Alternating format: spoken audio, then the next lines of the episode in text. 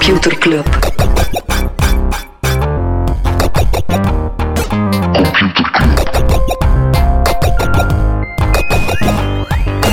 Computer Club. Hey Smolly, Hey Freddy, welkom, welkom terug. welkom. Welkom bij Computer Club, een wekelijkse podcast over technologie. Iedere aflevering selecteren Freddy en ik een interessant artikel en presenteren we een feitje. Ja, en eh, deze week terug een eh, gewone aflevering Doodnormaal.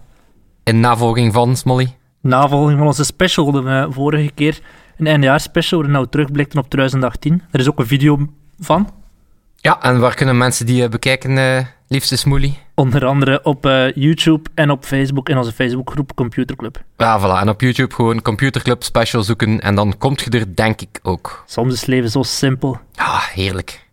Freddy, Ja, wat heb je allemaal gelezen de voorbije week? ik heb eh, een artikel gelezen dat eh, gedeeld was op onze Computerclub groep op Facebook door Christophe, die eh, ook begonnen is met Computerclub te beluisteren. Welkom Christophe. Hey, en dat ging over het feit dat, even meevolgen, dat Netflix en Apple een gevaarlijk spelletje aan het spelen zijn. op welk vlak?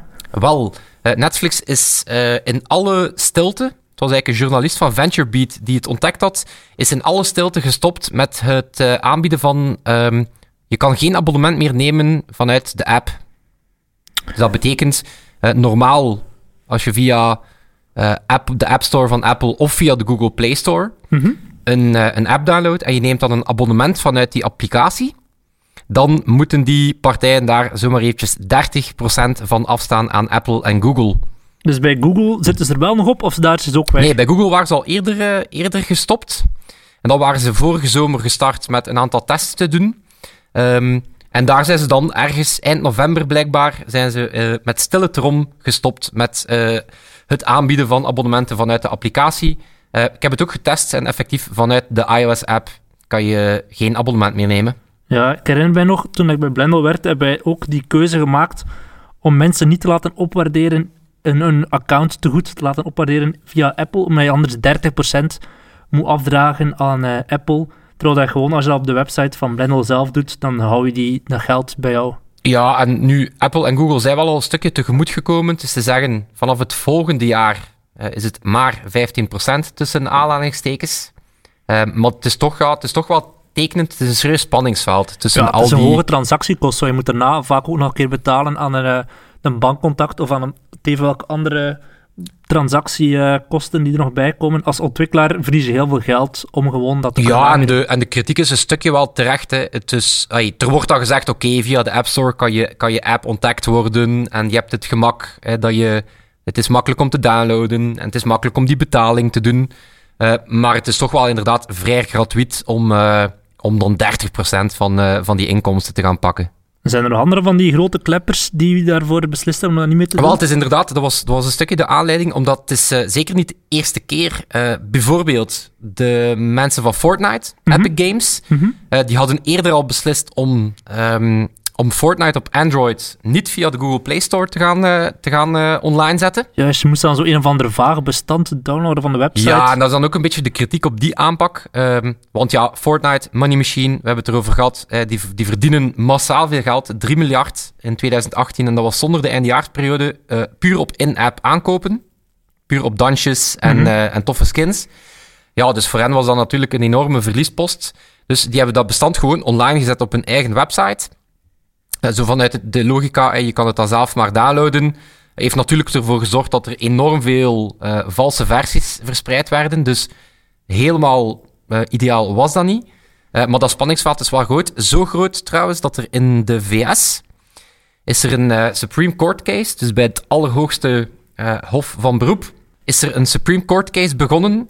En die heet Apple versus Pepper. Dat is en toch wel een Pepper. Pepper is dan toch niet de robot, hoop ik.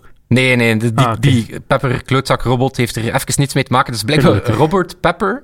Eh, en dat is een consument die eh, Apple aanklaagt omdat hij beweert dat apps meer kosten omdat developers die 30% doorrekenen. Ah, Ik hoop dat die dude echt dokter is of zo. Dat die wat? Dat hij dokter is? Wel- Wellicht niet. Ik vind, ik vind op zich al, ik vind, ik vind op zich al Apple versus Pepper. Ik vind al sowieso een zeer goede zeer goeie titel. Ja. Weet je nog onze discussie over Jumpman? Hè, over Super Mario Ja, ja, en dat hij vroeger Jumpman noemde en hoe idioot dat dat eigenlijk is als je het vertaalt. Wat deze rechtszaak noemt Appel tegen paprika. Kom aan, Paprika. Ja, dus zijn, zijn ding is... ehm, nu, ik denk niet dat die man heel veel kans maakt, omdat, ja, bon, zonder dan te, te legaal technisch te gaan, het is wel geen, eh, geen makkelijk ding. Eh, het is ook niet gezegd dat developers die kost zomaar doorrekenen aan consumenten. Hè. Nee, maar we kunnen kijken. Moesten er ontwikkelaars zijn die luisteren naar Computerclub, wat dat jullie mening daarover is en hoe, dat jullie daarmee proberen omgaan, laat het absoluut weten. Ja, maar het is, het, het is, het is, een, moeilijk, het is een moeilijk vraagstuk, omdat de, de, dus er zijn voordelen van een App Store. En eh, niet in het minst is dat, dat mensen terug eh, actief software gaan downloaden en bereid zijn om daarvoor te betalen. Dus dat was in der tijd wel de verdienste van die App Store. Heeft ook een miljardenindustrie eh Mhm. teweeggebracht. Absoluut. Dus het is zeker niet slecht. Eh, maar de kritiek is een beetje, ja, wat brengt Apple bij Ja, aan bij de Apple, kwaliteit nog, van Netflix of Spotify bijvoorbeeld? bij Apple zou je nog kunnen zeggen, die cureren in zekere zin. Bij Google Play snap ik dat al niet, want daar zegt gewoon iedereen die een scheet kan laten en die een app verpakt, die wordt toegelaten om die Google Play Store. Weet je, trouwens, wist je dat je inderdaad ja, de kwaliteit van de Play Store, eh, daar was het duidelijk dat ze gewoon een achterstand hadden, dus alles mag daar ongeveer op. Ook klonen van apps. Mhm. Er wordt geen enkele poging gedaan om gratuite kopieën, eh, dat te weten we van onze vriend eh, Dries de Poorter, met zijn Die With Me app. Ja, daar is gewoon een veelvoud aan, aan gratuite klonen die het zelf niet wegsteken, komt er allemaal op. Maar ik vind voor een gewone tussen aanhalingstekens applicatie, als je dan zegt, oké, je, je maakt een to-do-list of zo, dan is het wel handig als je in die App Store staat, en je hebt daar een goede positie. Maar in het geval van digitale content, zoals Netflix, zoals Mhm. Spotify, ja, dan moet je je afvragen van, wat draagt Apple bij, of wat draagt Google bij van waarde? Ja. Weinig, toch? Absoluut. Ja, Ja. nee, dus- Dat is ook meteen de... Het, het moeilijke is, als kleine developer ja, zit je nog altijd een beetje vast, denk ik. Maar, ja, zo- feit- anderzijds zouden zoveel mensen een Netflix-abonnement nemen via de Play Store van Apple. Het gaat toch, hè, want het gaat, het gaat over vrij veel geld hoor. Het gaat. ehm, dus Netflix, om, daar, om een idee te geven, is de. Eh, ja, dat noemt dan de highest grossing app Mhm. op Google Play. Of was de highest grossing app op Ja, eh, maar Google meteen Play. over een Dus- gigantische transactie gaat. Hè. Een jaarabonnement op Netflix kost 100 euro. Ja, maar het gaat, ook, het gaat, over, enorm, eh, het gaat over enorm veel mensen. Hè. Dus Mhm. bijvoorbeeld ehm, op, op iOS was het nummer 3, 850 miljoen. Over, over 850 miljoen dollar per jaar gaat dat. Dus dat is dat- 250 voor Apple. Ja, en gewoon omdat die platformen zo sterk groeien. Ik denk dat er ongeveer een 7 miljoen mensen per kwartaal eh, erbij komen op Netflix. Is het een serieuze... ai, het, is, het is wel een serieuze ballenmove, hè. Nee, absoluut. Ehm, maar bon, ze hebben het getest. Ehm, het, het, ja, dankbare voor die, voor die spelers, zoals eh, Spotify, zoals Netflix, is... Ja, ze hebben genoeg naamsbekendheid om, eh, om dat te kunnen doen, hè. Ja, de merken zijn sterk genoeg om te kunnen zeggen van, wil je een abonnement nemen, dan moet je letterlijk naar de site van netflix.com surfen om het daar te doen in plaats van via je Apple-account. Ja, of gewoon een eh, account vragen aan eh, een van je vrienden. Dat Dat niet aan mee. gebeurt zeker Ja. niet. Zeker niet. Absoluut niet. Absoluut niet. Nee, maar inderdaad, die zijn groot genoeg, die kunnen het, maar je zal maar een kleine developer zijn. Ja. En je maakt een gratis applicatie en dan probeer je daar een stukje geld mee te verdienen met premium features. Ja, dan is dat natuurlijk killer als je... 30% moet afdragen. Ja. Ja, maar het is tegelijkertijd ook een uitdaging om mensen te overtuigen om te zeggen, oké, neem, eh, behalve het feit dat het niet mag, eh, ja, neem even je creditcard Mhm. eh, en, en, en stort het geld rechtstreeks aan mij. Ja, dat gaan Ja. ze ook niet doen. Open je laptop om het daar te doen. Ja, maar bon, de, de andere kritiek, en dat is dan, als ik dan terugkeer naar, naar Fortnite en Epic Games, wat die op PC gedaan hebben een aantal weken geleden is, op PC heb je bijvoorbeeld ook de Steam Game Store Mhm. van Valve. Eh, en daar, heb je, ja, daar moet je ook 20 tot 25 procent afstaan als developer. Dus ja, Epic vindt dat natuurlijk ook niet leuk. Dus daar hebben ze een, eh, de Epic Game Store gecreëerd als echte concurrent. Eh, en daar nemen zij slechts 12 procent. Maar wat verkopen ze daar dan op? Ehm, wel, voor, het, voor te beginnen al die Unreal Engine games. maar je kan, daar dus ja. ook, je kan er dus ook op als, als gewone... Dus je krijgt eigenlijk meer concurrentie. Daar gaat het over. Oké, ik ben benieuwd. Iedereen zijn eigen En dat eh, kan, dat app-platform. kan, omdat de PC natuurlijk een open platform is. eh, kan je die concurrentie laten spelen? Bijvoorbeeld Discord. Die ken je wel, wellicht ook. Mhm. absoluut. Zo het, eh, de, Dat is waar ik met mijn schild en vriendjes chat. Voilà, voilà, voilà. Dus heel sterk actief gebruikt, eh, behalve in rechtse, rechtse, rechtse vlaggenmilieus, ook heel sterk door gamers. Die hebben ook een game store waar ze ook maar 10% houden van de, van de omzet. De vrije markt maar. En wat is daar dat de vrije markt speelt? En Ja. ja. de vraag stelt zich ook van, oké, Apple en Google Play, hebben die niet gewoon een monopolie omdat ze als enige App Store op dat besturingssysteem mogen staan? Mhm. Ja, dat zou inderdaad nog wel voor het Europees Hof komen, hè, zoals in de tijd met de Internet Explorer voor Microsoft en zo. Voilà, bekijk dat, want ehm, ja, ik denk de, de oplossing die Fortnite kiest om dan te zeggen, oké, we smijten dat bestand gewoon online, eh, je wil niet weten hoeveel eh, virussen dat daar waarschijnlijk door verspreid zijn, Mhm. is ook de oplossing niet. Nee, Ehm, en het gaat over, ja, dat gaat over een enorme industrie, die appmarkt. En oké, de grote spelers, eh, die kunnen dat wel dragen, of die kunnen inderdaad gewoon hun eigen ding doen. Maar ik denk toch dat dat ja, minder, minder vrolijk nieuws is voor, ehm, Apple voor de en kleinere Google. developer. Ja, oh ja, binnen vijf jaar zal er inderdaad misschien naast je Apple Store nog een andere store op je iPhone verplicht moeten staan. Yes, Smolly, heb Yes. jij wat kennis in store? Ik heb een, eh, een blokje kennis gekocht, 30% afgestaan aan Google. En schiet er nog iets over? Dat, het schiet nog net genoeg over om een jingle mee te kopen. Dus, eh, Oké, hier komt hij. Even via de site omgeleid. Ja. Computerklas. Hopla. De allereerste e-mail ter wereld, weet je wat daarin stond? Eh, nee. Het allereerste e-mail ter wereld, daarin stond something like QWERTY UIOP. Dus dat is gewoon, eigenlijk gewoon een, eh, de allereerste, de bovenste letters op een eh, toetsenbord. Dus computeringenieur Ray Tomlinson in 1971 heeft de eerste e-mail gestuurd en heeft gewoon de, wat op zijn toetsenbord zit te rammen en eh, totaal geen diepgaand bericht, maar Maar hij heeft er wel de woorden something like Ja. voor gezet. something like en dan gewoon de bovenste rij van zijn toetsenbord. Dus had hij gewoon de bovenste rij van zijn toetsenbord gedaan, dan was dat echt inderdaad gewoon random letters. Ja, Maar door daar die something like aan toe te voegen, krijg je het meteen iets Yes. poëtisch. Wat dan nog specialer is, is dat hij die e-mail naar zichzelf heeft gestuurd. Gewoon twee computers die naast elkaar stonden, en heeft van de ene computer naar de andere computer gestuurd. Via ARPANET, de voorloper van het internet. En Tomlinson die werkte voor Newman. En dat was de eh, bedrijf dat door de, de, de defensie, we het al gezegd, de Amerikaanse defensie, die heeft heel veel innovaties op haar naam staan, waaronder dus ook ARPANET. En die heeft die Tomlinson gebruikt om twee e-mailtjes naar elkaar, om één e-mail naar elkaar te sturen, naar zichzelf. Wat dat die Tomlinson nog heeft uitgevonden, is het apenstaartje in e-mailadres. Het is wel een zotte dude. Ehm, weet jij nog wat dat jouw eerste e-mail is? Waarschijnlijk niet. Mijn eerste e-mail. Ik, ik vraag me af en, eh, hoe lang het geduurd heeft eer dat ik zelf e-mails begon te sturen. Hm. Want ik weet dat ja, ja, je eerste e-mails... Ik zeg ik was al blij dat ik zo'n reclame-e-mail kreeg van Hotmail of zo. Heb je ooit iets fout gestuurd via e-mail? Goh, dat valt wel mee, denk ik. Oké, ik heb ooit iets Wat bedoel je met gedaan. fout? Ja, een e-mail per ongeluk aan de verkeerde persoon of zo. Nou, dat is een classic, hè? Ken je NetSend? Nee? Dat is zo'n programmaatje op Windows XP, waarmee dat je eh, naar computers kan sturen binnen hetzelfde, op, binnen hetzelfde LAN-netwerk. Dus dat is ehm, een soort voorloper van... Nee, geen voorloper, maar een soort alternatieve e-mail. Maar echt voor nerds. Dat is zo de zwarte achtergrond met witte letters, zoals in de hackerfilms. Ehm, en dat stond bij ons op school op de computers, maar niemand gebruikte dat. Maar er was één nerd in onze klas, Stijn, die mij dat had geleerd hoe dat, dat moest. En dan kon je gewoon zeggen, ik wil naar die computer in dit lokaal sturen. Moest je gewoon de, de IP-adres van die computer ingeven, denk ik. En waar kwam dat dan op, dat bericht? Dat kwam letterlijk in een overlay over het wat, dat, wat die persoon aan het bekijken was. Dus dat programma moest niet openstaan, dat sprong gewoon dat bericht in een pop-up venster op je scherm.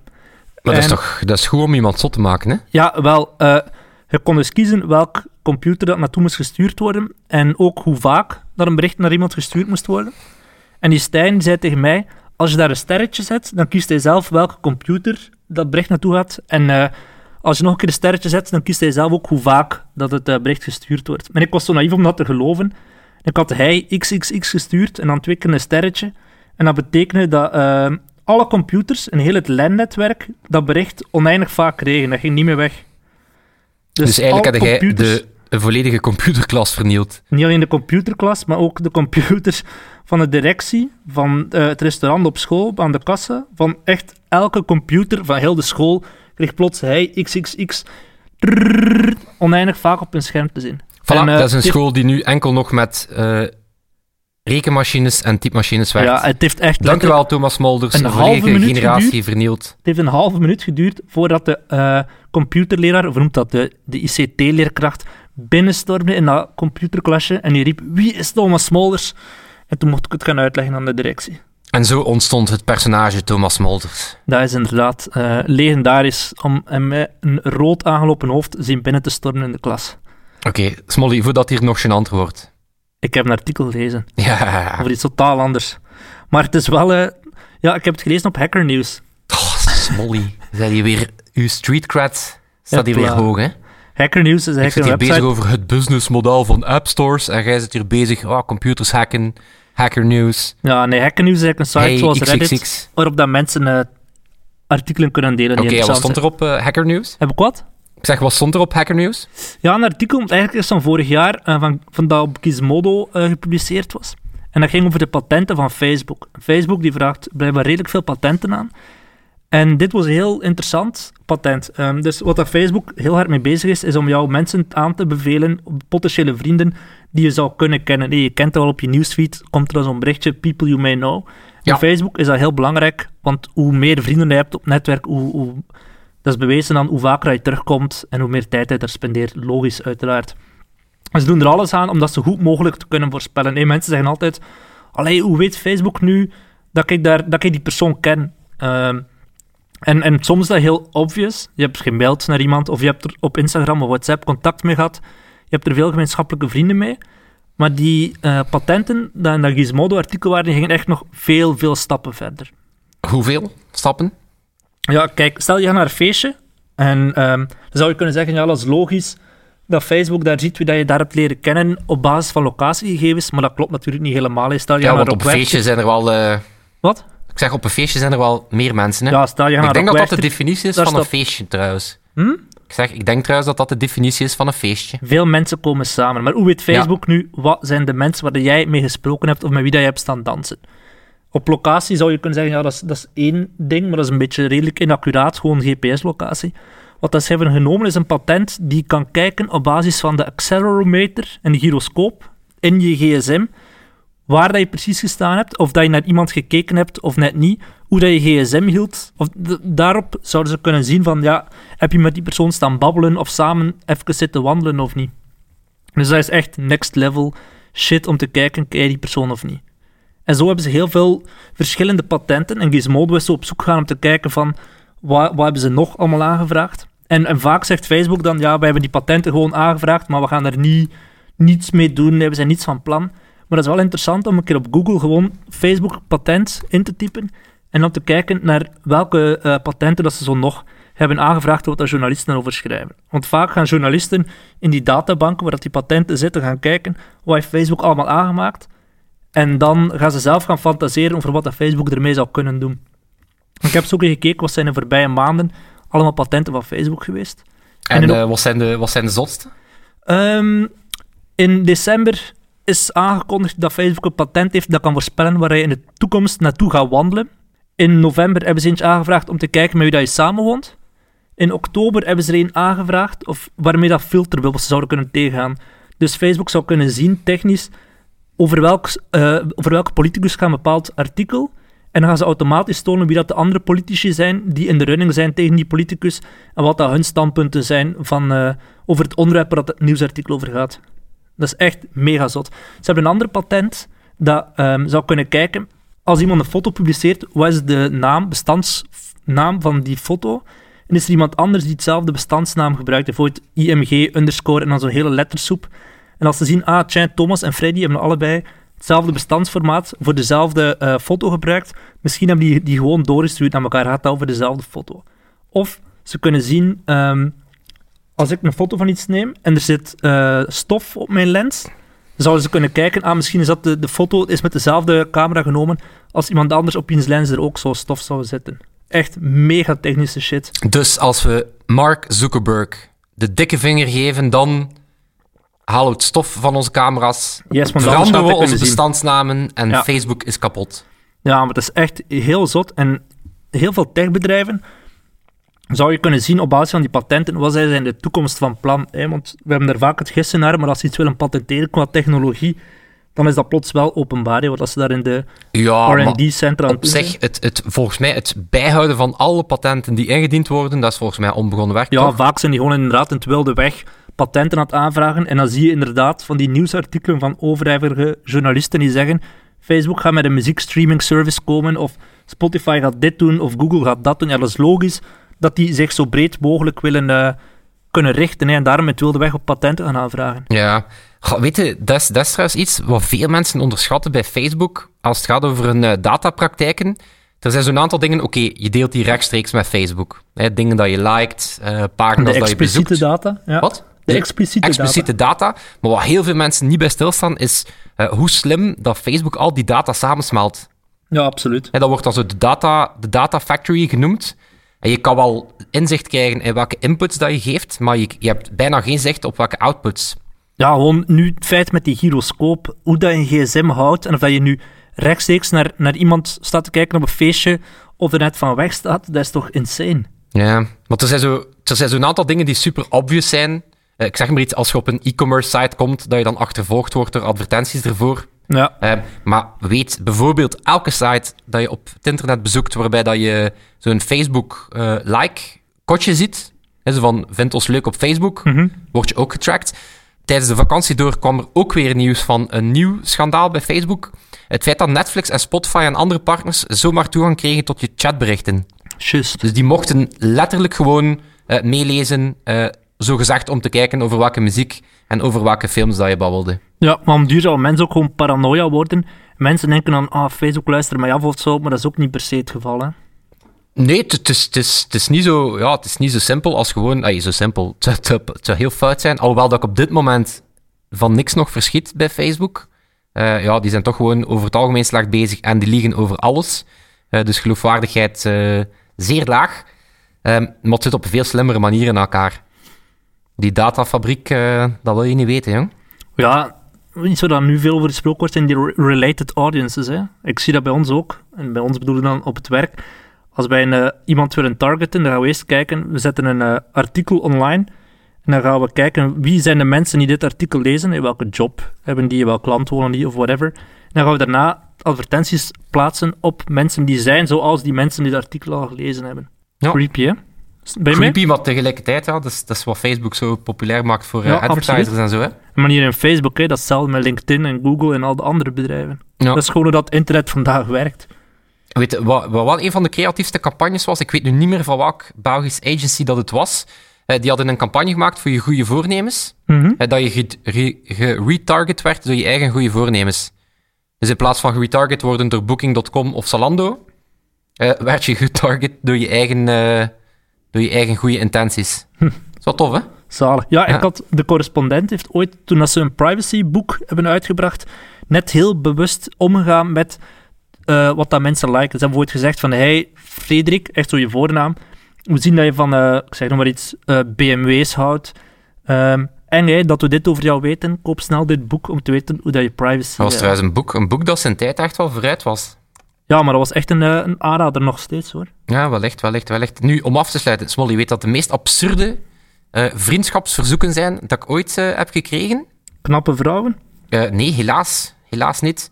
Dat was... ehm, het is niet voor te zwansen, hè. dat waren er drie onder elkaar. Dat was Robrecht van Dampierre, Uh-huh. de leeuw van Vlaanderen.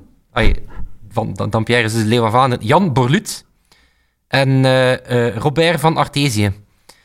Dat zijn ongeveer eh 13e, 14e eeuwse figuren. En da- dan stond daaronder Jozef Weber. Wat? Ja.